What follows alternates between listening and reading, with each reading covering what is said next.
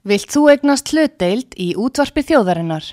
Sendu tölvupóst á hlutabref at útvarpsaga.is eða ringdu í síma 533 3943. Útvarpsaga stendur vörð um tjáningafrelsið. Síðdeis útvarpið á útvarpi sögu. Þáttastjórnandi Magnús Þór Hafstensson.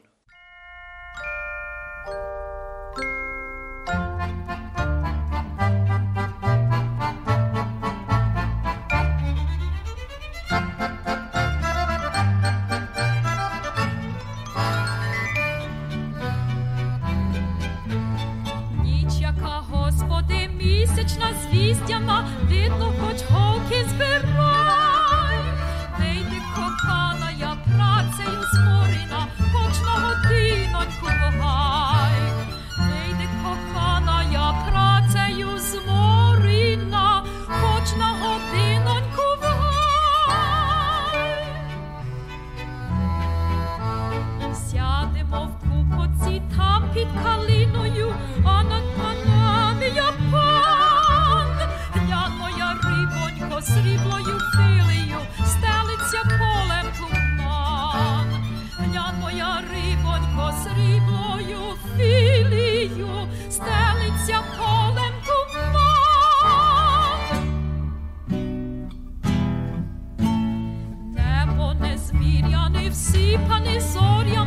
що то за Божа краса, перлями зорями, гень під тополями, грають перлиста роса, перлями зорями, гень під тополями, грають перлиста роса.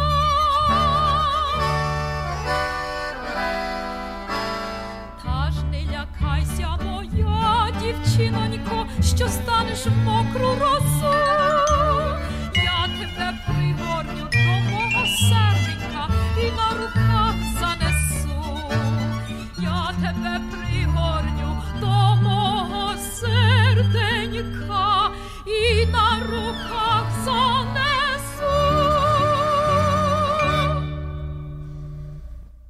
Með sæl ágætu hlustendur út af sögu, heiti Magnús Þór Hafstinsson og til okkar í dag er komin uh, Valur Gunnarsson, reytöfundur og sakfræðingur. Velkomin. Takk. Þú er nú komið til mín áður, uh, það var nú hér í vor þegar heimurinn virtist vera að fara að fjandast til en við erum, við erum nú hér enn. Jú. Það var út á Úkrænustríðinu, þú hefur verið mikið þarna austur frá og sendir frá þér stórgóða bók fyrir, hvað, tveimur árum, ég það ekki? Bjarmalönd, Jú, nein hálfu. einu hálfu. Jú.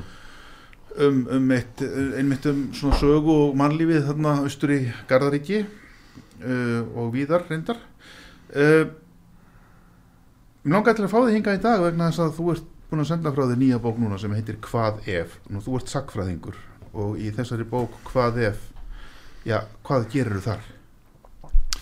Jú, ég er að veltaði fyrir mér hvernig hlutinir hefðu geta farið öðruvísi heldur en þau gerðu eins, eins og nafnið bendir til. Mm En þetta er ekki sko algjörlega óabild, þetta er ekki bara eitthvað.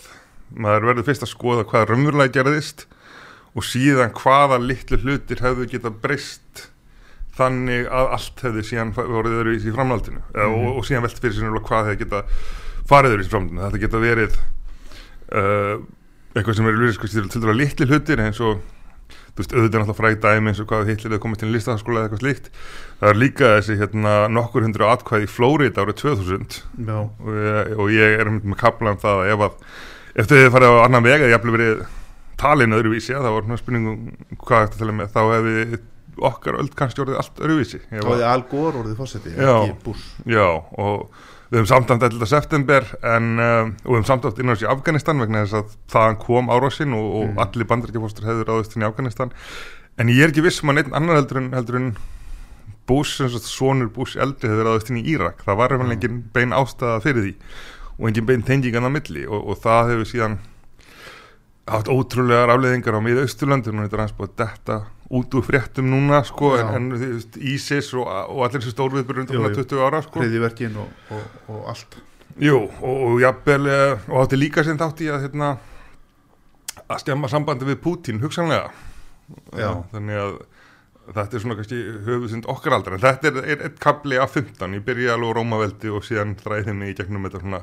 Já, þú spyr hérna hvað ef Róm hefði ekki fallið, hvað ef vikingar hefðu sigrað heiminn, hvað ef bandaríkin hefði ekki orðið til, hvað ef jörundur, það er að segja hundardagakonungur hefði hengt einhvern, hvað ef engar heimstyrjaldir hefði orðið, hvað ef Lenin hefði lifað lengur, hvað ef bylting hefði orðið á Íslandi, hvað ef Hitler hefði unnið, hvað ef nazistar hefði fundið upp kjarnorkusprengjuna, hvað ef Norrænulöndin hefðu saminast, hvað ef Ísland hefði verið herlust, hvað ef bílarnir hefði aldrei verið til?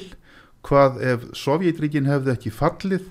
Hvað ef ekki hefði orðið hrun, það er þá hrunið 2008 Já. og síðan hvað ef Al Gore hefði unnið, þetta er nú enga smáraði spurningar. Nei, þetta er allt saman kapla í bókinni. Já, og, og reyndar sko í hverjum kabla þá svara ég reyni ég að svara ekki bara þessum spurningum heldur raunverulega eins sem öðrum spurningum í kringum þetta. Já, til dæmis hvað ef Íslandi verið herrlust þá var ég líka alveg í hvað ef að Íslandingar hefur gert herrvendarsamningu við breyta 1940 sem að breyta svolítast eftir. Mm, hvað ef að þjóður eru hernum í Ísland sem ég skrifa hann á skáldsögum. Já, en, en þarna sko þetta meira sögulega. Og, og ímsa aðra möguleika sem að til dæmis ef, að, ef Ísland hefði orðið allsýrar herstöð eins og bandaríkjum er sóttist eftir Mm. eftir stríð að, að fjórar herstöð af Víðurland eða orðið alveg herlust þannig að þetta er ná á þessum tímum eftir, eftir koronaveruna þá er eitthvað að tamt að tala með sviðismyndir já, og við, hérna, við getum alltaf aldrei spáð fyrir um framtíðina en við getum meld fyrir okkur um þessu sviðsmyndum sem afleiðingar á hlutum sem er að gerast núna. En raunverulega getum við gert það líka ef við förum aftur í tíman og, hérna, og skoða hvað hefði geta gerst innan þess ramma sem var mögulegt á þeim tíma. Já, þú bendir á það í bókinni mitt sko, að það kemur fram í bókinni að það er nú oft, svona, oft veltir lítil þúfa þungu hlassi. Jó, að það verða svona atbyrður í sögunni sem beina í raun og veru þessu mikla fljóti framþróun sögunar í einhvern annan farveg heldur en kannski hefði maður búast við. Það tapast kannski einhver orust einhver staðar eða, já, eða einhver þjóðhöngi fellur frá eða það gerist eitthvað. Já. Og já, það þarf í raun og veru ekki meira til. Nei. Einmitt og þessar pælingar koma svolítið, það er náttúrulega hægt að svona reykja alveg aftur bara til fót gríkja en, en, en þessar pælingar koma svolítið mikið upp eftir endurlók kaldastriðsins og eftir fall Berlinamúrsins að því að þá, og þetta var einmitt að þeim tíma sem ég var í mentaskóla og síðan fór í, í háskóluna hérna var að spyrja að spá í þessu en það var alltaf þessi hugmyndum það að sko fall Sovjetíkina var algjörlega óhjákvæmilegt og bara Já. frá upphafi þá hlaut þetta að fara svona og, og núna er, er sögunni lokið og kapitalismin er bara betra fyrirkomulag og, og, og hann mun taka yfir og ríkja hér eftir umverulega Já. og, og já, þessi var algjör hugmyndur um það að allt var óhjákvæmilegt þetta væri þessi svona þungi ströymur sögunar mm. en uh, en samt var enginn sem sá fall Sovjetíkina fyrir nei. Sem er svolítið fyndið sko. Ef þetta var svona ókomlegt okkur voru það gætli bara búin að spá, spá því fyrir og náttúrulega tímasetja Já, sko? búa sig undir það hérna, í staðir sérstaklega fall Berlinamúr sem kemur bara alveg eins og sko þrjumur hefði loftið sko. Og, uh, og það kemur sko setna á áratögnum þá, þá koma fram bókvættir Njálf Ferguson sem heitir Vertu hlustin að koma fram svona hugmyndir og líka skaldsegan Föðurland sem að koma út á íslensku þetta er Richard Harris já, já, já, sem að hérna einmitt fjallar nú hvað, hvernig þið farið ef að hérna þjóður hefur þittlir þjarnansistar hefur unnið. Já, einmitt, ég hef lesið þá bók. Já það, ég las henni mitt bara í mennskóla og hafði, hafði, greinlega einhver áhrif á mig. Held ég 1964 já, já, alveg rétt. Það, þá er bara þriðja ríkið allserjar stórveldi, svo má segja. Já, og hitt, Hitler er 20 ár síðan stríðinu lauk og, já, reyndar svona allar ennþá í östri sko, já, en- allar, já, það er svona skæruhernaðar Já. svona, já, var áttundir orðin hérna konungu Já. Breitlands, hann er Já. svona pælingum og, og, og það er kallt stríðið bandaríkin hann er svona svipað nema bara þýskaldi staðan fyrir Sovjetríkin mm. og, og þau eru svona farin að vera kannski úr sígengin en Hitler er að fagna 75 ára ámæli sínu og, Já. og, að búa sindur að taka við Joseph Kennedy bandaríkjafósita sem var Mm. hérna henn umverulegi faðir Kennedy, Kennedy Kennedy alltaf. og hérna já, hún er uh, hún er áhugaverð mér finnst hún ekki ekki, ekki, ekki endilega svo frábær en þetta er ein, leið til að gera þetta er bara reynulega setja næsta þýskand inn í staðin fyrir já. en já, en þetta, þetta var skáldsega en, en, en síðan voru sakfræðingur fyrir veltaði fyrir þessu líka og, um, og sem að var einmitt sem andstæður sem hugmyndum með þungaströym sögunar sem allt er óhjákomlegt að skoða einmitt bara tilviljanir og hvernig maður getur hugsað sem eitt svona á sem að eða litla, lítið fljót sem að eða litla sprænu sem verður þetta á en það kemur steinn fyrir þá þurfum að flæða eitthvað annað sko. Já, það gerast nú, það ætti nú að kenna okkur sko reynsla bara núna síðustu missir að á að kenna okkur það að það er mitt gerast hlutir sem enginn gætt séð fyrir og, og hlutir sem eru jafnvel svo klikkaðir að það hefði ekki neinum dottið í huga að fara að skrifa það skáldsögu. Nei, ég minna, þú veist, COVID til dæmis. Já, og svo núna í uh, sem enginn sá fyrir. Þú komst til mín tveimu vikum fyrir Ukrænustríðið og þú hérst að það er ekki stríð. nei, nei að því að ég náttúrulega sko, bara svona, förum aðeins í það að því að mitt framtíðin er að þá, þá skiptust hérna menn svolítið í tvo hópa það voru menn eins og ég sem að töldu að Pútín ættir um lengar möguleika að taka yfir Úkrænu og þess vegna myndi hann ekki ráðast á hana. Síðan voru aðrir sem spáði því að hann myndi ráðast á Úkrænu en með vegna þess að ég held að hann myndi taka hann yfir. Já, en það var enginn sem spáði þínu rétta sem Já. var að Pútín myndi ráðast á Úkrænu og ekki taka hann yfir. Af því að það er óskynsanlegt já. og þarna sjáum við mitt hvað bara svona óskynsanlegar ákvarðanir oft eru líka mikilvægir í sögunni. Við skulum koma því að setja þættinum. Mér langar einmitt til að spyrja það því og að færa undir, þú getur hugsað um það eins og meðan af hverju þú segir að þetta sé óskynsanlegt en áður en við förum í það að þá langar mig aðeins til að svona, tæpa hérna aðeins á bókinni, svona nokkur matriðum ég Já. fyrir náttúrulega ekki að segja frá því, ég er búin að lesa þessa bók hún er mjög skemmtileg, mjög skemmtilega pælingar og þetta er uh, virkilega vel unnið þér. Þú hefur, þú hefur virkilega lagst í pælingar. Jú, jú, þetta er sko, ég skrifaði fyrst grein um þetta í lesbókina fyrir eitthvað 20 árum þú síðan er búin að vera að vinna þessu í mörg ára. Já, þetta er nú, ef þú segir ekki að ég hef verið sko bara í fullri vinnu við að skrifa þessa Nei, nei, bók, en, en svona, þetta er, búið, að- þetta, er, þetta, er, þetta, er, þetta er svona uh, afurð hugans yfir lang, lengri tíma. Já, algjörlega. Það má og, eiginlega segja það, ekki satt að þú hefur verið að lesa þér til og svona, og kannski verið að máta þetta við svona ýmsar hugmyndir sem þú hefur kannski yfir haft að máta þér við þar sem, þú, það sem gerðist í raun og veru. Jú, jú, þetta eru alls konar svona hluti sem er að vinna. Ríkjarir og greinar le- lengri tíma og síðan eh, legg ég loka hönd á hann eftir að ókveðinu byrjar og þá náttúrulega er það kannski sérstaklega eftirmálunum og einhver svona Já, einmitt, kemur, þar, kemur þar og einmitt minnst lokorðin í bókinni, síðustu orðin hérna í eftirmáli minnst þau alveg frábær. Síðasta málskreinin en kom kannski að því setna á eftir. Menn langar fyrst til að spyrja þig þú segir hérna í einum kaplanum hvað ef vikingar hefðu sigrað heiminn? Voru okkar okkar menn, okkar vorföður nála því að hérna, verða heimsveldi Sko það er náttúrulega spurningum uh, alltaf í svona pælingum þá er alltaf spurningum sko hvar þú setur fótið niður sko. já, já, hvaða tímapunkti miða við sko eins og, þess að fræga þú veist, hvað ef Hitler hefði unnið sko ef að 1945 er það náttúrulega auðvitað útlokað sko. Já, 1942 er það eiginlega útlokað en 1940-41 þá er það orðið Já, áður en að hann er komin í eða mögulegt þannig að hann er komin í stíðu bandaríkinu og hérna Sovjeturíkinni í einu en með vikingana þá þurfum við að skoða sko, hvað hvað hefði þurft að gerast mm. og hvernig hefði það geta gerst. Og stærsti biti náttúrulega er Norður Ameríka og þeir voru nú komnið þangað. Þau voru nú alveg bara á nippinu þar sko. En ég segi ekki að þeirra hafi verið svona nálægt í að leggja hana undir sig að, en, en ef að aðrir hlutur hefði gerst þá hefði þetta kannski verið mögulegt. Og þá náttúrulega er það aðalega England sem ég setin áttu til að leggja undir sig Norður Ameríku. En vikingar voru þarna á nýjöndu komnið svo nálægt Englandi þá skipti fjögur ríki já, og vikingar voru búin að leggja undir sig þrjú að þeim. Já Og- konum við sagt. ég er ekki bara fótundu, þeir voru bara komnið með allt England nema síðsta hlutarn sem heit Wessex. Já, e- já, Englands fyrir ekki, ég var að ruggla við Ameríku. Já, já, nei, nei England, já, já, já, því að Já, þeir voru það, þeir voru já, það, Til þess að taka Ameríku þurfum við að byrja því að leggja undir ykkur England sko. og hérna, já það er þættir sem kannski fólk hefur séð Last Kingdom og hérna White King sem við heldum þetta, en allavega já, Al Arthur hérna, nei Alfred, ekki Arthur Alfred, Alfred englandskonungur er, er komin bara út í fenarn á flótta. Mm, og það er nú ekki margir veði á það þá að hann ætti setna eftir að, að leggja grunninn að Englandi og leggja undir sig allt England og Mm. hans ártakar. Og sem síðan leggur undir sig allan heiminn sko, allan heiminn. En, mm, en þarna eh, mátti ekki miklu munar um að vikingar hefðu lagt undir sig allt England ef þeir hefðu getað það og getað notað því að England er miklu frjósamar og miklu ríkar Já, land heldur já, en en Norega þá hefðu þeir kannski getað verið komið með skipastólinn til þess að geta síðan haldið áfram með meira krafti þegar Norður Ameríka fannst já, en þeir hefðu ekki getað lagt hana undir sig með, með sko svipum hætti og setna, þeir voru ekki með bara púðrið og en hérna þeir eru geta náð fótfestu Já. komið upp einhverjum nýlendum og, og svona lifað þar.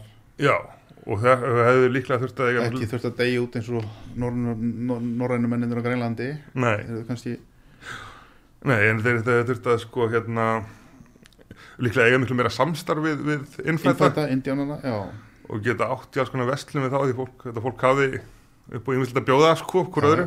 ósköp, já, já, og það er sem ég vísa einn ein, fræðikona Cecilia Holland sem að við meina móhíkannar voru svona svip, svipaða típur og vikingar sko og hefðu Mm. átt kannski svona samleið með þeim og þarna hefði getið verið til eitthvað svona vikinga móhíkanna liðveldi því að hérna sérstaklega þeir vikingar sem fóru til Norður Ameríku sem voru jú komið upprunalega frá Íslandi þeir já, voru svona lýraði sinnaðir sko og þetta hefði getað hendað mjög Já. vel þannig að einhvers konar alþingi hefði verið stopnað á Norður Ameríku af ákomundi vikinga og móikanna hérna, Já, mörg hundru árum áður en að, að bandaríkin eru já, til. já, þannig að þetta er alltaf ein, einsviðsmyndin einsviðsundin, já, já, en, en uh, bandaríkin þau verða til, hvað þau höfðu ekki orðið til, já, það er náttúrulega það er annarkablið, það er uh, það er náttúrulega bandaríkin hafa átt svo gríðarlega áhrif sérstaklega á undan þannig öld já, rúmlega það að, að það hefði orðið allt öðruvísi en, en það var náttúrulega spurningin um hvað hefði getað farið öðruvísi og það er einn möguleikin er, er svo að frakkar einfallega hefði lagt undir sér Norður-Ameríku. Mm, það var þeir voru jú í harði samkeppni við breyta þar og voru nefnda með svolítið forskot framan af já, og voru komnir alveg bara frá Quebec í Kanada og niður í gegnum uh, alla Norður-Ameríku til uh, Louisiana og New Orleans. já, já, en, uh, en gallið var sá bara að þeir lögðu aldrei allt mikið í það. Breyta voru alltaf reyðbúin til að eyða meiri pening í þetta því þau voru meira flótuveldi og frakka þurfti að huga líka að spánverjum og þýskuríkjunum og öllum, öllum kringu sig sko. Já, en það er ekkit ósend ef að, að örnu stefna hefði verið mörgu sem að kom til greina að að frakkar hefði lagt undir sig Norður Ameríku og unnið einfallega og þá já ég er, er með einhverjar vangaveldurna, það hefði bara breytt svo óbúslega miklu, meðal annars hérna hefðu sko þegar að, að hérna síðan innfylgnatíminn byrjar á 19. öld þá hefðu kannski ég sérstaklega ennskumældi fólk hefur það ekki endla flutt til Norður Ameríku, það hefur það flutt til Ástralíu eða Já. Suður Afríku eða aðra nývendur já, og uh, síðan hefur kannski hérna þjóðverjar og ítalir frekar flutt til Suður Ameríku sem, sem sumi gerðu en, en endur mjög fleiri í bandaríkjum það er ekki það já, og þannig tekna upp sviðsmynd það sem að sko og það er tólið franska í bandaríkjunum í dag og, já og, og, og, Suður Ameríka lítið öðruvis út og, já Argentína var kannski einhvers konar mó- mótvægi sem þýskumannandi hérna. og þetta er náttúrulega gerbreytt hérna allri, allri Európusögunni en já, um, já, í teknum sviðsmyndana það sem að, að Argentína gengur um þjóðurum í lið hérna í stríðanum Mm. en síðan náttúrulega eru, eru aðrir möguleika sem eru jafnvel reynsæri sem svo breytar hefðu hérna verið með aðeins hérna umbrúðalindari stefnu í skattamálum og svona þá Mhm. hefðu bandarækjumenn ekki rifið sér lausa sem var alls ekki ljóst að, að þeir myndi gera og alls Nei. ekki allir vildi gera einmitt. og, og bandaríkin já, ef bandaríkin og Breitland hefðu, hefðu hangið saman þá kannski fyrstulega hefðu, hefðu bandaríkin ekki breyðst jafn mikið út þau ekki orðið jafn stór í sjálfu sér. Breytar voru ekki svo spenntir fyrir því að þeir var að sækja þarna mikið til vestur uh eins og þau gerðu og breytum var endar umhugaðar um örlög hérna frumbyggja landsins Já. tjóna, en, en það má líka velta fyrir sér að þetta, þetta kombo af Breitland og bandaríkin hefði alltaf verið sama ríki það það verið svo óbáðslega upplugt að það hefði hérna hefði kannski ekki, ekki orðið neina heimstríaldir því það hefði bara verið að ekki þóraði í það Nei, að þeir, og bre, breska heimseldi sem slíkt var nánast í þeirri stöðu sko, þjóður fjöldu að, að breytar myndi ekki að taka þátt. Og en, hérna, en með bandar ekki er náttúrulega, þá þeir bara mm. geta ákveðið svona hluti. Mm. Þú veltir fyrir þér líka uh, já, þú kemur hérna aðeins inn á jörundu hundadagakonung Já, uh, Akkurju hirtu breytar ekki einfallega Ísland? Það er nefnilega Hvað voru þeir að hugsa? Já, það, það er nefnilega sagan að svolítið fyndin að því það hefði verið augljósast að gera. Já, nefnir það, bendir á það. Já, og það sem gerist er ekki alltaf það augljósast það, það, það eru þeir sem koma sem sagt uh, í raun og veru hann. Já, þeir koma að ná í hann, eins og maður segja. Já, einmitt. Og breytar þarna í stríði við Dani. Já, Jörundur telur sér vera að, að taka Ísland eða, frelsa Ísland fyrir hönd breyta um breyta koma og handtaka hann. Já, og reynda líka Trampi greifa. En mm. skilur Ísland eftir í höndum Íslendingar umverulega. Mm. en, en, en síðan formulega skilaði aftur til Danmerkur. Og þetta er náttúrulega líka því að að því að breytar eru í, í stríði við franska líðveldið já. og þannig að um það snýst þetta þannig að þeir, þeir eru ekkert spennti fyrir því að einhverjur Þú segir nú eiginlega svolítið svona að breytar höfðu vissuð kannski allir tíman að þeir, þeir, þeir, höfðu Ísland eiginlega í hendi sem kortið var. Já. Þeir gáttu hýrt að þeir vildu hvenna sem var því að þeir voru bara svo öflugt flottaveldi. já, og það Þannig að þeir þurfti ekki að vera að hafa fyrir því endilega að ra- ráða hefur þessu rögli hér sko, þeir gáttu bara látið Dana sjá um það skilur já, svo ef þeir þurfti á því að halda þá getið þeir bara komið yngur á hýrt landi eins og þeir náttúrulega gerðu já, 1940 eins og og kannski líka fyrir heimstyrjöld eins og þú bendir á. Já, þá var nú Erik Cable hérna sem var bara konsul breyta, Já, hann, hann svona stjórnaði Íslandi og öllu. fekk að, fekk að mm. og fylgdist með öllu sem fór á milli Reykjavíkur og Kaupmannhamnar og hann Já, hafði bara úrskunna vald um, um, um hvað hérna með svona föðulegu mynduleika. Já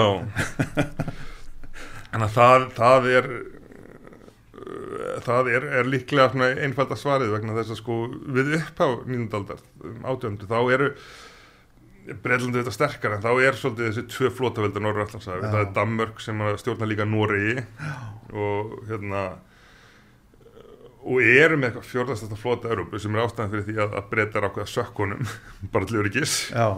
Svo, svo að frakka komið ekki í hann en síðan undir lok Napoleonstríða þá er Danmörk eiginlega orðið bara smáríki sem að hérna búið að Já. missa Noreg að missa flotan og, og það stendur engin, engin ógnaðum lengur þannig að Nei. breytar ákveðan að náttúrulega gott bara að lefa þeim að eiga Ísland svona formulega en, en við þeir fá hvort þeir að veiða daginni leifaðum að veiða fisk hérna það var kannski það eina sem breytar höfðu áhuga á á náttúruöðlundum já, á þeim tíma það voru sumi breytar eins og- og og Joseph Bank sem að vildi innlema Ísland bara svona fyrir Já. Það taldi að hérna, þeim myndi dafna svo miklu betur sem, sem tegnar breytaveldi seldur en hérna hefðum við gert það?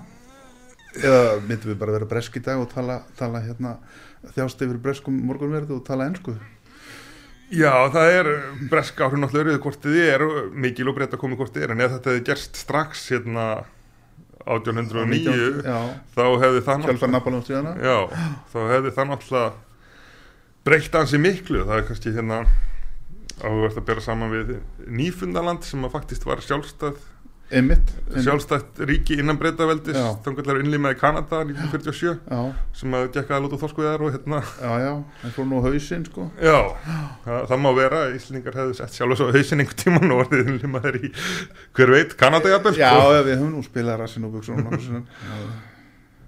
En hérna, já, þetta eru skemmtilega pælingar eh, Þú ventir því líka fyrir þér hvaðu bylting hefði orðið á Íslandi. Já, þetta, þetta hljómar kannski langsótt en, ég er, Það er þá svona við- eða kommunista bylting já, Þeir er tekið völdin, þú talar þá um það er þá uh, 1921, 1921 Ólaf Freiriksson og, já, einmitt. og átökin út af þessum dreng. Já, við þetta um drengsmálið eða aftur kvítastriði sem er svona flottar titill sko. Já, það, og þetta gerist að, að þeir komu með Ólaf Freiriksson kemur frá Moskvu frá, og, og, hérna, sem er búin að vera á flokkstingi kommunistflokksins já, kemur með strák með sér sem er undir á svissneskum uppruna Mhm. Nathan Friedman, Friedman. Og uh, og allar að ætliða hann en, en hann greinist með auksjúdóm trakkáma og yfirveld ákvað að senda hann úr landi og, og þegar að ég held að lögreglið bæri sá að tala nýjum manns hann mm, en þegar þeir koma þá er bara menn búin að safna saman í kringum hús Ólafs á Suðugutinni og einfallega bara berja all bærins já, þannig að bærin er alveg stjórnlaus í þrjá daga. Já, og ef að það hefði verið viljað til að framkvæma byltingu á Íslandi þannig já, þá hefði það verið til til auðvelt. Það hefði bara hægt að taka yfir uh, stundar alltingshúsið og, hérna, og, og ríkistjórnin hefði kjátt neinn tök á að verja sig þarna en það uh, var ekkert her, engin her í landinu, ekkert lauruglulið að neitt raun og veru þannig, þannig að nei, þetta hefði ekkert verið neitt þúalega erfitt. Nei og það kemur líka í ljós að sko að þessi kommunistar sem, eða frum kommunistar maður kannski segja mm. að, að það er fullt af vopnum til í bænum. Það er, ekki afstæktar en það að það er nýbúin að vera heimstyrjöld og það að menn er að koma með rifla og byssustingi og handsprengjur og, já, já, og allan fjandan sko í hús. En, en Ólafur tekur þá ákvörðun að afvopnast og all vopnin eru læst inn í kjallar á Vesturgötu. Já, hefði hann ekki gert það þá hefði síðan þremdugum setna þegar, þegar lögreglu liðið og hérna ríkistöndin sem gera gagnárás og þá eru þeir með sko menn vopnaðar emítoriflum, bara bankamenn og hérna sjálfbóðaliða já, og ef að báðir aðlar hefur verið vopnaðir og, og sumi voru náttúrulega druknir þá er, Mm. er mjög sannilegt að, að, skotið farið af og, og ef einhverju er dáið þá er það náttúrulega dreigð mikið disk á eftir sér.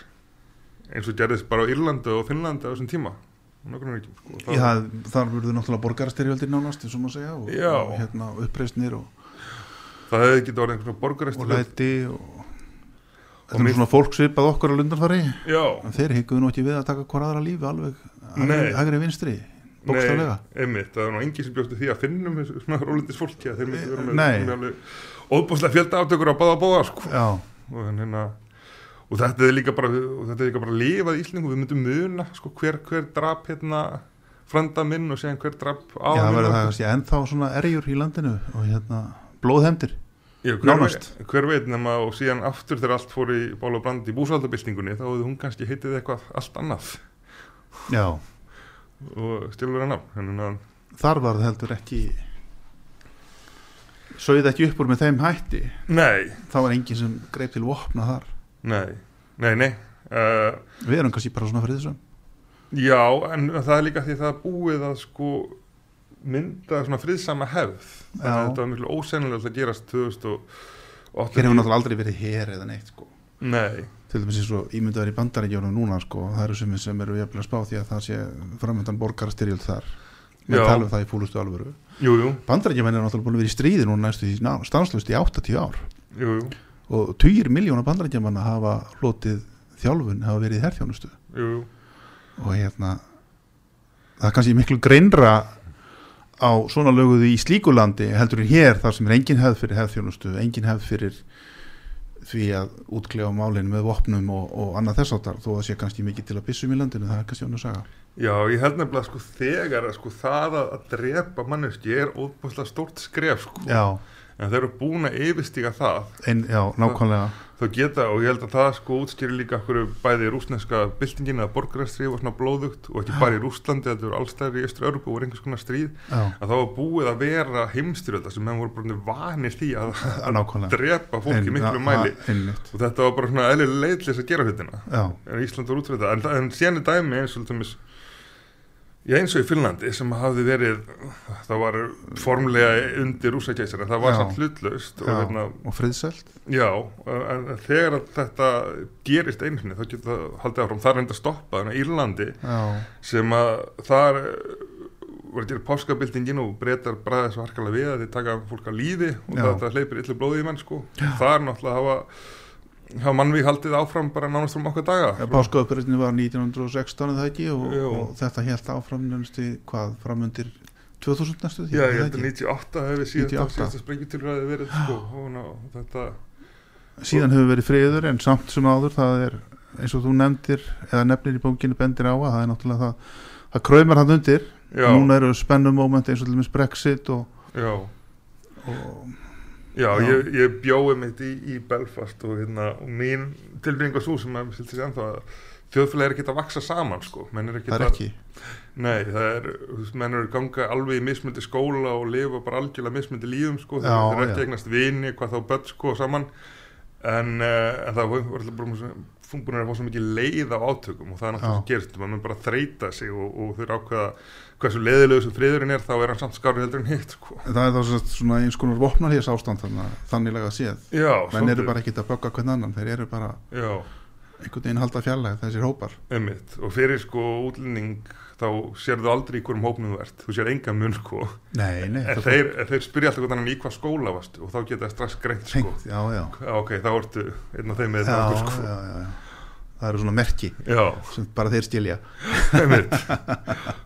Múnum veitum við þetta, segir okkur líka að fólk þarf ekki að vera sko neitt öðruvísi en hvort annað sko, hvort ég á yfirborðinu eða sko húðlit eða trúabröð, eða jú trúabröðum reyndar í þessu tilfelli en, en sko að hérna annars þegar líta eins út og gangi sem við fötunum og tala eins og já, eins og þú segir þú sérði engan mun utan að komandi maður en, Já. en samt eru þau mjög ólíkir þegar en já, samt getur fólk náttúrulega verið ég er ekki endilega svo ólíkir en, en, en, en, en það er þetta sem skilur á milli. Já, en, Já. en, en samt getur mann fyndið svona tilum til þess að vera að drepa hvort annan kynslaðum saman sko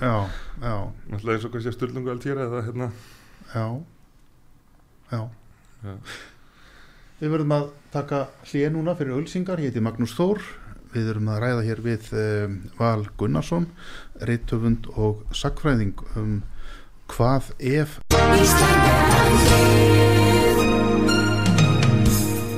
Styrtareikningur útvarpsögu í Íslandsbanka á Granda.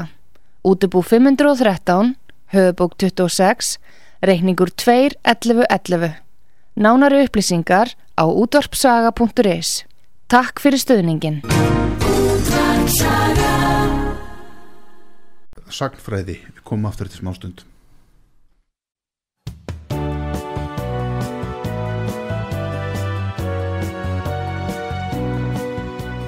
Síðdeis útvarpið á útvarpi sögu. Þáttastjórnandi Magnús Þór Hafsteinsson.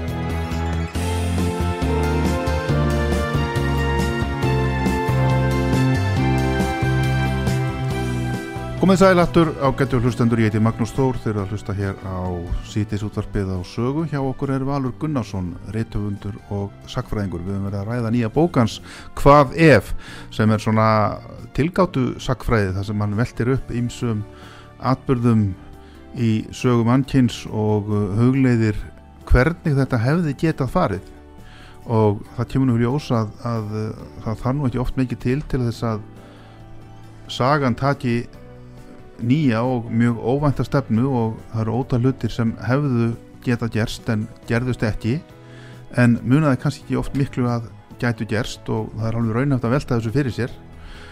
Við vorum hér að skoða nokkur dæmi og mér langar til að halda þess áfram með það. Um, til dæmis er hér ein spurning hvað ef norrænu löndin hefðu saminast já, þetta er líka svona ég hef stundum velt þessu svolítið fyrir mér. Já, því að ef norrænu löndin myndu saminast í eitt ríki eða ríkja samband þá yrði það gríðarlega öflugt með alveg óbáslegar náttúruöðlindir ólju, gas fisk, já.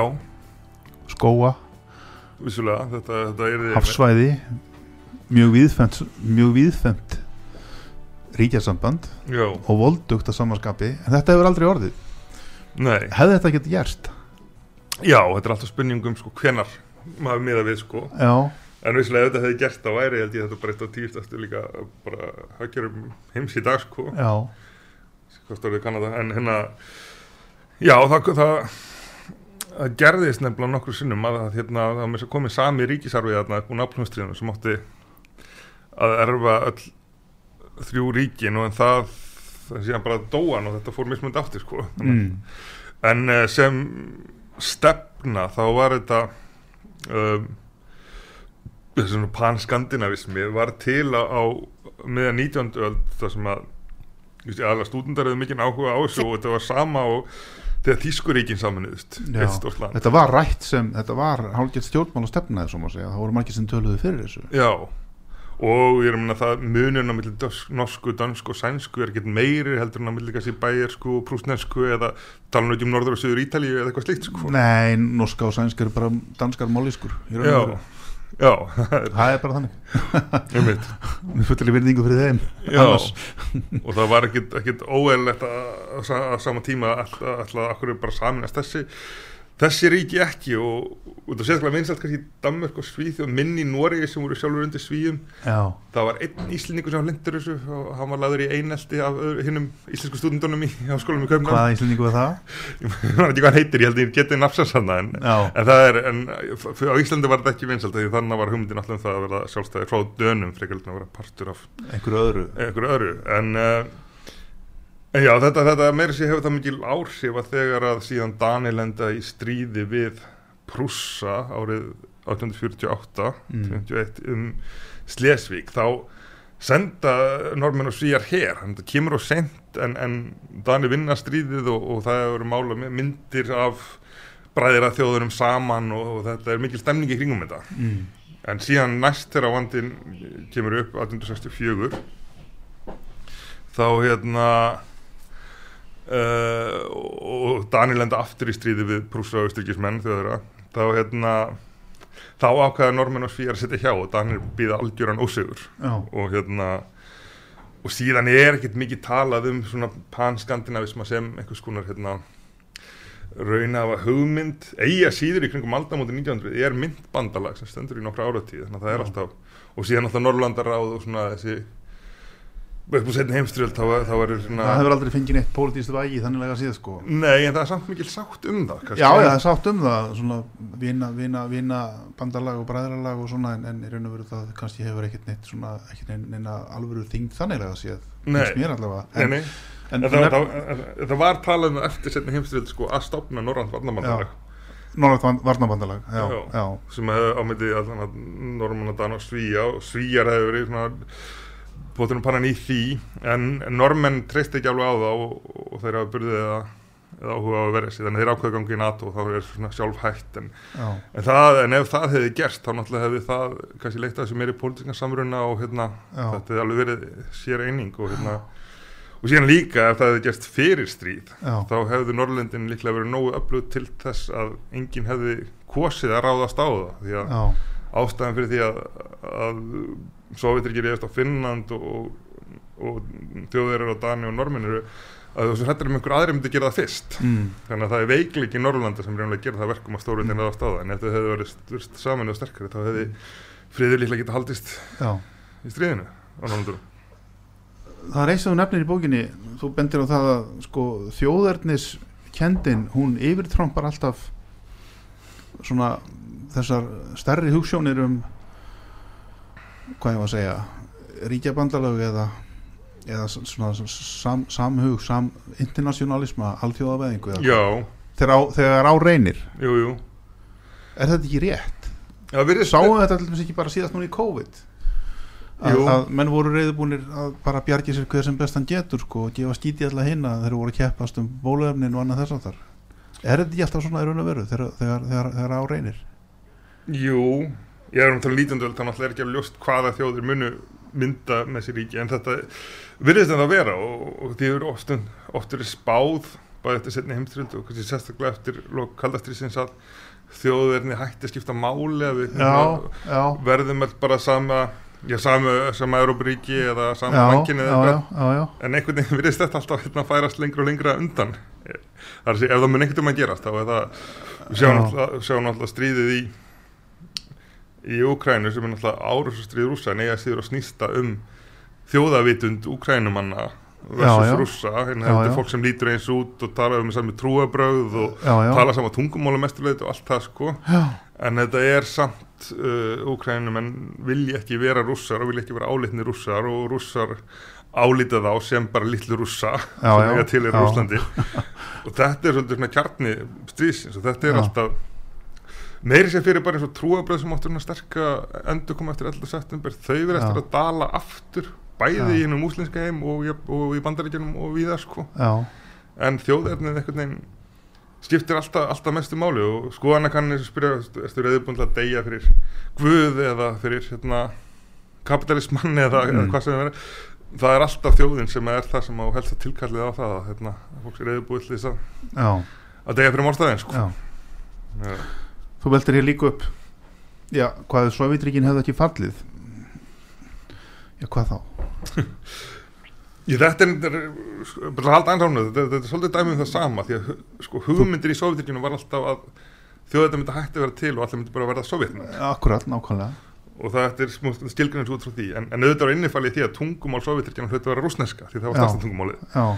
En endanum þá kusu þjóðirnar Eistursalundin og Úkræn og fleiri að, að, hérna, að uh, þá var þjóðavitundunum vel miklu sterkari heldur en einhvern hugmyndum sameigileg Sovjetríki eða kommunisma eða eitthvað slíkt sko, Mhm, sem náttúrulega mhm. náttúrulega listu en uh, Já, en hitt er náttúrulega spurningi með óhjákvæmuleika hérna, var fall Sovjetríkina óhjákvæmulegt og akkur í fjalliðu um, uh, ég held nefnilega að þau hefðu bara getað fallið þegar þau gerðu það því að hérna Sovjetrikinn eins og Rúsland núna, það voru mikill ólíutlitandi og ólíuverð fór svo mikið lækkandi þarna og var svo lágt kring- frá cirka 1980 til 2000 þú átt við að þarna hafi glugginn verið opinn og Já. kötturinn slappið út? Já, já, nefnilega, að því að hérna ef að Gorbachev eða einhverjum hefði tekist að halda þeim saman í tíu ári viðbót já, þá hefði hérna hefði sá aðri sem Gorbachev notið góðs af hækkandi ólíuverð en ekki Putin því efnahagurinn hefði lagast og það Já. hefði aftur, já,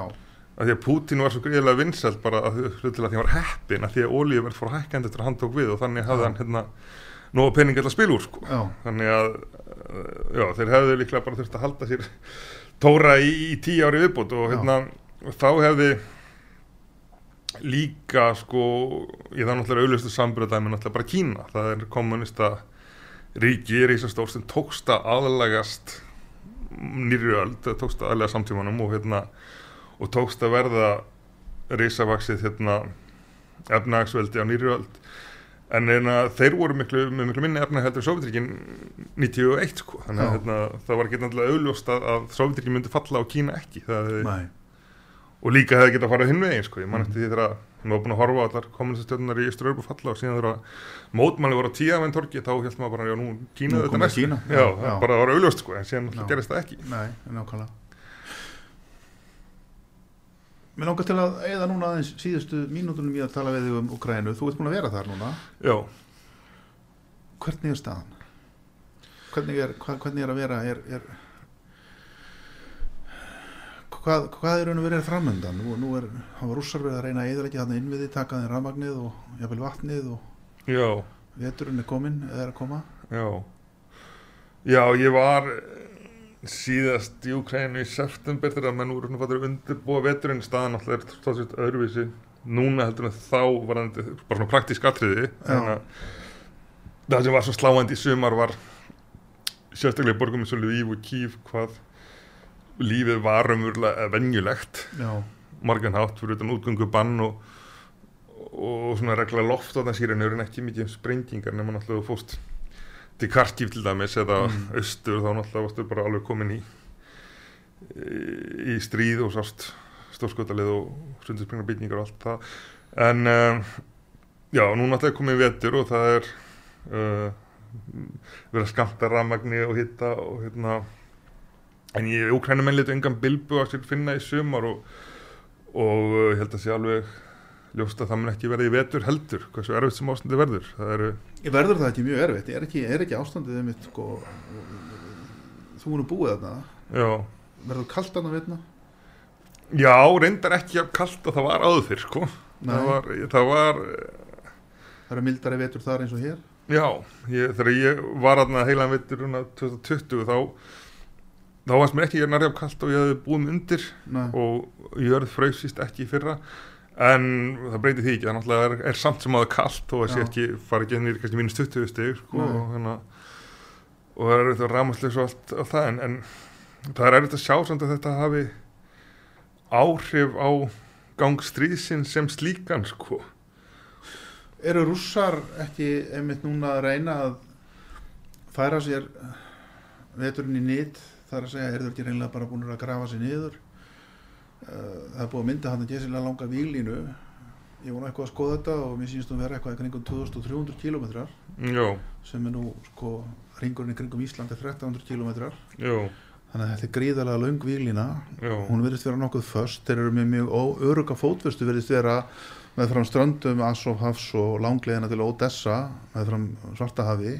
Þeir eru konum með austurhéröðin, þeir eru með Krímskagan já, er einhver, er nokkur eh, raunhafur möguleiki á því að það sé hægt að rekja þá af þessum svæðum aftur? Fyrst að menn á annar borð er ekki tilbúin til að fara þarna inn með vestrannan her og, og ganga raun og veru skora, skora rúsa á hólm? Rekað út með ofnavaldi það, munið þið nokkuð tíma að láta þetta hendi? Með góðu? ekki, nei. Nei, en hérna það, það er möguleiki að hrekja þá í burtu og það er alls ekkit útlokað það er örugglega mjög erfitt að brjóta sér gegnum Donbass sem er búið að vera vikist núna einast í nýja ár já, og, og það sem betalínu líkur nær Úslandi sjálfu. En það er hins vegar alveg mögulegt að, að brjótast í gegn til Asóhavs, líklega ekki Militopol. Mm. og þá er allt suðrið farið frá rússum og krímska í lokaðar af líka. Þannig að það er margir sem spáð því að, að þetta verði næsta aðgerð úkrænumanna að, að, að að reyna að skera þarna á. Já, og fara að sækja til Asóhavs og, og þar með skera svona suður hluta rúsneska hersins og krímska frá. Það, þetta er ekkert, ekkert ómögulegt. Og það er líka úkrænamenn sem ráða gangi stríðsins núna, þannig að þeir geta raunverulega valið hvar þeir vilja sækja fram og rúsa verða síðan að breðast við. Já, er það ekki bara það sem rússar vilja? uh, Nei, ekki endilega því að það er það er alltaf, þannig sé betra að vera í vörnhildin í sókn en, en, en sókniraðalinn getur ákveðið hvar hann vil beita Já, sér já, og já, getur já. beitt sér það sko. þannig að þetta er, er vissilega ein sviðsmynd og er og mér finnst mjög sennilegt að þetta verði reynd hvort sem það verði í vetur eða einhvern tímann í, í voru eða sumar því að sóknir úkrænum að hafa gengið mjög vel hingað til þeir hafa líka alltaf farið mátilega langt þeir hafa ekki sko sókt eins langt eins og þeir geta og þar með lent í vanda með byrðalínur og annað. Já, að hætta að lokast inni og þess að þar Já, þeir hafa tekið þetta bara í svona skrefum og svona ákveðnum bitum og en ef að þetta myndi gerast að, að rúsa myndi missa sviðin það er sko Putin alltaf gæti aldrei aldrei samþykkt að missa krímska sem er mm bæði miklu meira hluta Rúslandi og en líka þetta var nú hans helst að afreika einluma krímskaðan Já. 2014 -hmm. og þannig að ég held að verði reynd það, kannski ef það tekst ekki munum menn reyna sem um frið kann alltaf auðvitað líka þau möguleikja því bara að núna eða setna báðir aðalega sjá fram á að hérna, þeir uh, enginn komist áfram og, og, og, og menn sem ég um einhvers konar frið eða Eða vopnalið eða vopna hlýja og, og þú stríðið verið þá einhvern nátt frosið eins og hefur gerst í kóruðuska skaga sem er, er það bara vopna hlýja sem hefur verið Já, mestu liti haldið í hérna Eru menn eitthvað að tala saman? Nei, það er eh, staðan alltaf hefur snúist við sko, Selenski var að bjóða Putin frið í, í mars á þeim forsendum að Rúsa dræði sér tilbaka en held eftir krímska í byli og Ukraina myndi ekki ganga í, í NATO. Mhm. Putin myndi líklega taka þessum samningi í dag því að hann staða hans er bara svo mikið verri. Já, en þegar Ukraina myndi gengur svona vel þá er sko stefna þeirra er, á auðborni er að, að taka allt aftur. Bæði það sem að tapaðist í ár og 2014 já. sem að er Það er, nú, það er eiginlega bara, er það raunhæft? Ég meina, þurfa menn ekki að fara núna að sittast niður og hugsa sig um og, og, og eins og segi uh, reyna, reyna að fara að binda endi á þessi átök. Þetta er, jú, jú, auðvitað, auðvitað ef þetta á ekki enda mjög illa sko. jú, jú.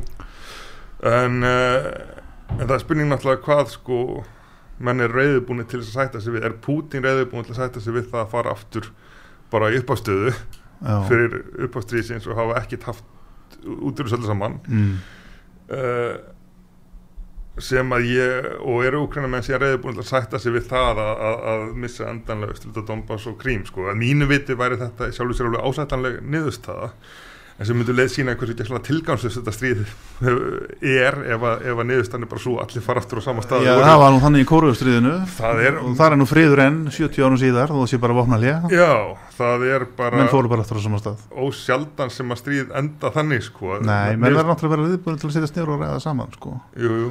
Og eins og þú segir, ef, ef Úkrænum myndi bara eiginlega fallast á það að, að rússar þeir taka bara þessi austur héruð og menn semja þú ekki verið nefna bara vopnalið Já, já, okkur menn er ekki mjög spenntur vopnum líði bila því það myndi, því það myndi gagnast líklega endur uppbyggingu rúsa en ef að það reytur þeir, náttúrulega, Úkrænum er nákvæða þetta ekki sjálfur sko.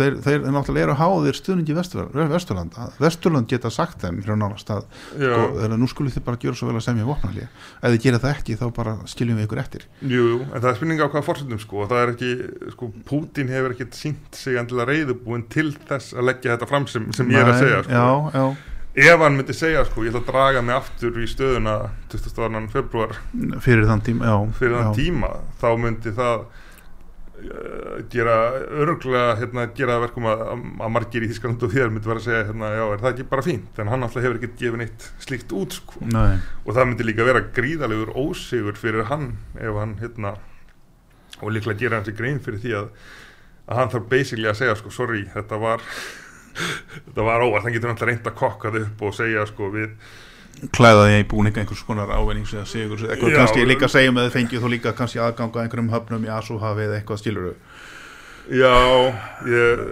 eða, eða, hvernig sem það væri en, en ég minna já, hann getur alltaf sagt bara við ég hindraði innrás í, í Rússland sem að stóði ekki til eða eitthvað slíkt sko en það er líka Khrushchev, hann bakkaði í kúbudelinu og tveim árum setna var hann settur af sko, þannig að það er ég held að sé já, já, talsvöld líklegt að ef að, ef að Putin bakkar sem er umverulega hann þarf að gera. Þá sé hann búin að vera. Já, þá ég hérna já, Uh, það er til dæmi um, um til dæmis Saddam Hussein sem gerði þar katastrofál mistök, trekk í trekk en satt samt áfram þá hvernig hann var þetta á. Það er, það er dæmi um það en, en það er en já, sko þó að að, að slíkur friður væri hérna góðu fyrir rússa sjálfa, það var ekki endilega vist að það sé góðu fyrir Putin sko. Og ég má líka segja að það er var að margir ágætt ef að rússa bara töpuðu nógu, nógu stórt til þess að þeir uh, sætti svo endan við að vera venjulegt ríki og ekki heimsveldi og hætti já, að opna nafnum sinum já, já, vissulega. En það er náttúrulega spurning sko eins og ég segi sko um aðeins minnst á kóruðustriði og við erum nú með bókitt á borðinu sem ég þýtti kóruðustriði til Max Hastings. Já, að og hérna, og hérna uh, þar voru menn reyðbúnir að fara inn með herlið Já, til að verja Suður Kóru já, gegn innrás Norður Kóru eða kommunista já, það var 1950 2022 eru menn ekki reyðbúnir til að fara með herlið inn í Úkrænu til að verja Úkrænu heldur Nei. ætla bara að láta Úkrænu menn sjá um þetta og senda eins og bara fullt af vopnum og búnaði og öðru þess áttar ég meina ef menn vilja að rússar tapið þessu að þeir eru slegnum tilbaka verða menn þá ekki hreinlega að stíga skrifa til fulls og fara þann inn og, og hérna hreinlega berjast við þá eins og menn gerði í kóru á sínum tíma? Um, það var fjölþjóða lið, bandarækjumenn og fleiri sem fóru inn í, kóru Jú, það er Sko, þeir töpuðu 142.000 mönnum Já. en, en ég minna en suðu kóru var bjargað já, ef það var að taka Moskvu En eh, nei ég er ekki að tala um að taka Moskú ég er að tala um bara að það er að rekja það út úr Úkrænu rekja það tilbaka. Sko, ég, bara ef þið myndir láta Úkrænumenn fá skriðdrega og flugvelar og bara opna allt upp á gátt þá myndi það líklega alveg duga til sko. Ég mun það gera það. Til þess ég, það, er, það sem að Úkrænumenn hafa fengið það hefur duga til hingað til sko. Já, þau að stoppa rússana en samt sem náður hefum að skoða landakorta þá eru rússar komni með mjög sterka fótvestu inn í austurhluta Úkrænu Já, eins og landakorti lítur út í dag eins og ég var að lýsa á það já. Þeir eru með mjög sterka fótvestu það er ekkert að víkja því út af borðinu. Nei, nei, en ég, þeir gætu samt, þeir náttúrulega tapa samt miklu svæðum í haust og, og, og gætu það, gætu já, tapa já. suðulutanum með þessu Donbass er verið líklega erfiðara en hérna já, en það er spurning náttúrulega sko á endanum gætu líka rússar bara fengið nóg sko. Hérna, og bara farið yfirgefið svæðið eins og bandarækjumenn hafa gert í Vietnam og Afganistan. Bara láta sig hverfa já, og, og rússar gerði Afganistan. Rússar gerði Afganistan, það er náttúrulega fordæmi fyrir þessu öllu saman já, það, það, það er náttúrulega er ósigur sem getur jafnlega verið með djúbstæður ósigur eins og, og bandaríkjumenn töpuð í Vietnam sem hefði djúb áhrif á, Já, já. á bandaríkjumenn án þess að Washington hafi fallið eða, eitthvað slíkt sko og þeir unnu heldur ekki Kóru þeir gerðu bara vopna því Já. Kórustrið var fyrsta stríði sem þeir unnu ekki. Þar leðandi hafa þeir aldrei viljað tala mikið um það. Nei, nei, En samt sem áður, þar voru ferðar ákveðnar fórnir og þar tókst að bjarga Suður Kóru og Suður Kóru er í dag mjög flott ríki, þess að segja. já, já. 50 miljón mann sem búa þar við mikla velmögun og, öflugt hagkerfi og, og öflugt líðræðisríki og Já, og ég vissum að Ókræna verði það líka þegar, þegar ef Kóru hefði ekki verið bjargað þá hefði Kóru að fallið undir kommunismann Já, og þá þann- myndi þar vera bara 1950 ástand eins og, eins og er í Norður Kóru í dag, skilur það. Já, sem sýnir líka st- að stundum er bara einfallega nöðsilegt að verja uh, að fólk verji sjálft sig og hjálpa fólk til að verja sig af því að hérna, það er ekki, engin vafa á því að Já, ég er alveg sammálaður í því, alveg í ef, því, ef sko. að söðu kóru menn væru í dag undir stjórn norðu kóru það myndi vera miklu, miklu hörmulegar ástand fyrir, fyrir söðu kóru Já, það fyrir- náttúrulega því við höfum verið að tala hér um hvað ef sko. Þar væri þá sennilega allur kóruðska hinn kommunistaríki, þar væri kannski þegar orðin stórstyrjöld skilurðu vegna þess að þeir hefðu verið ógna allir með Japan eða eitthvað þess áttar Já, að minnstu kosti þá varum söðu kóru menn sjálfur mun verðsættir sko en og, Já, settir. En Það er, það er kannski tveir hlutir samt varandi kórustrið annars er að sko, bandaríki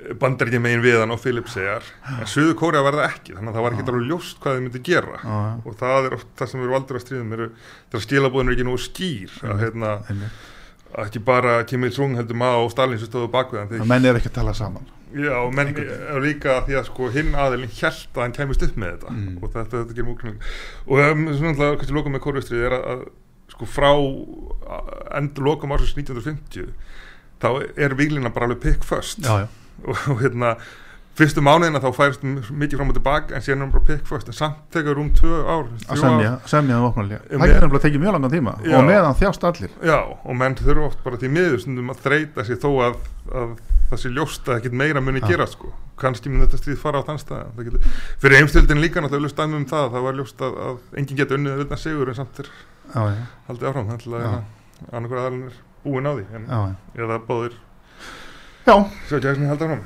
Þetta er svona, það er gaman að velta þessu fyrir sér. Valur Gunnarsson, takk fyrir komuna. Stjæntlega spjall. Já, takk Ég heiti. Magnús Þór, þið hafa verið að hlusta hér á Sitis útvarpið á sögu. Takk fyrir að hlusta, verið sæl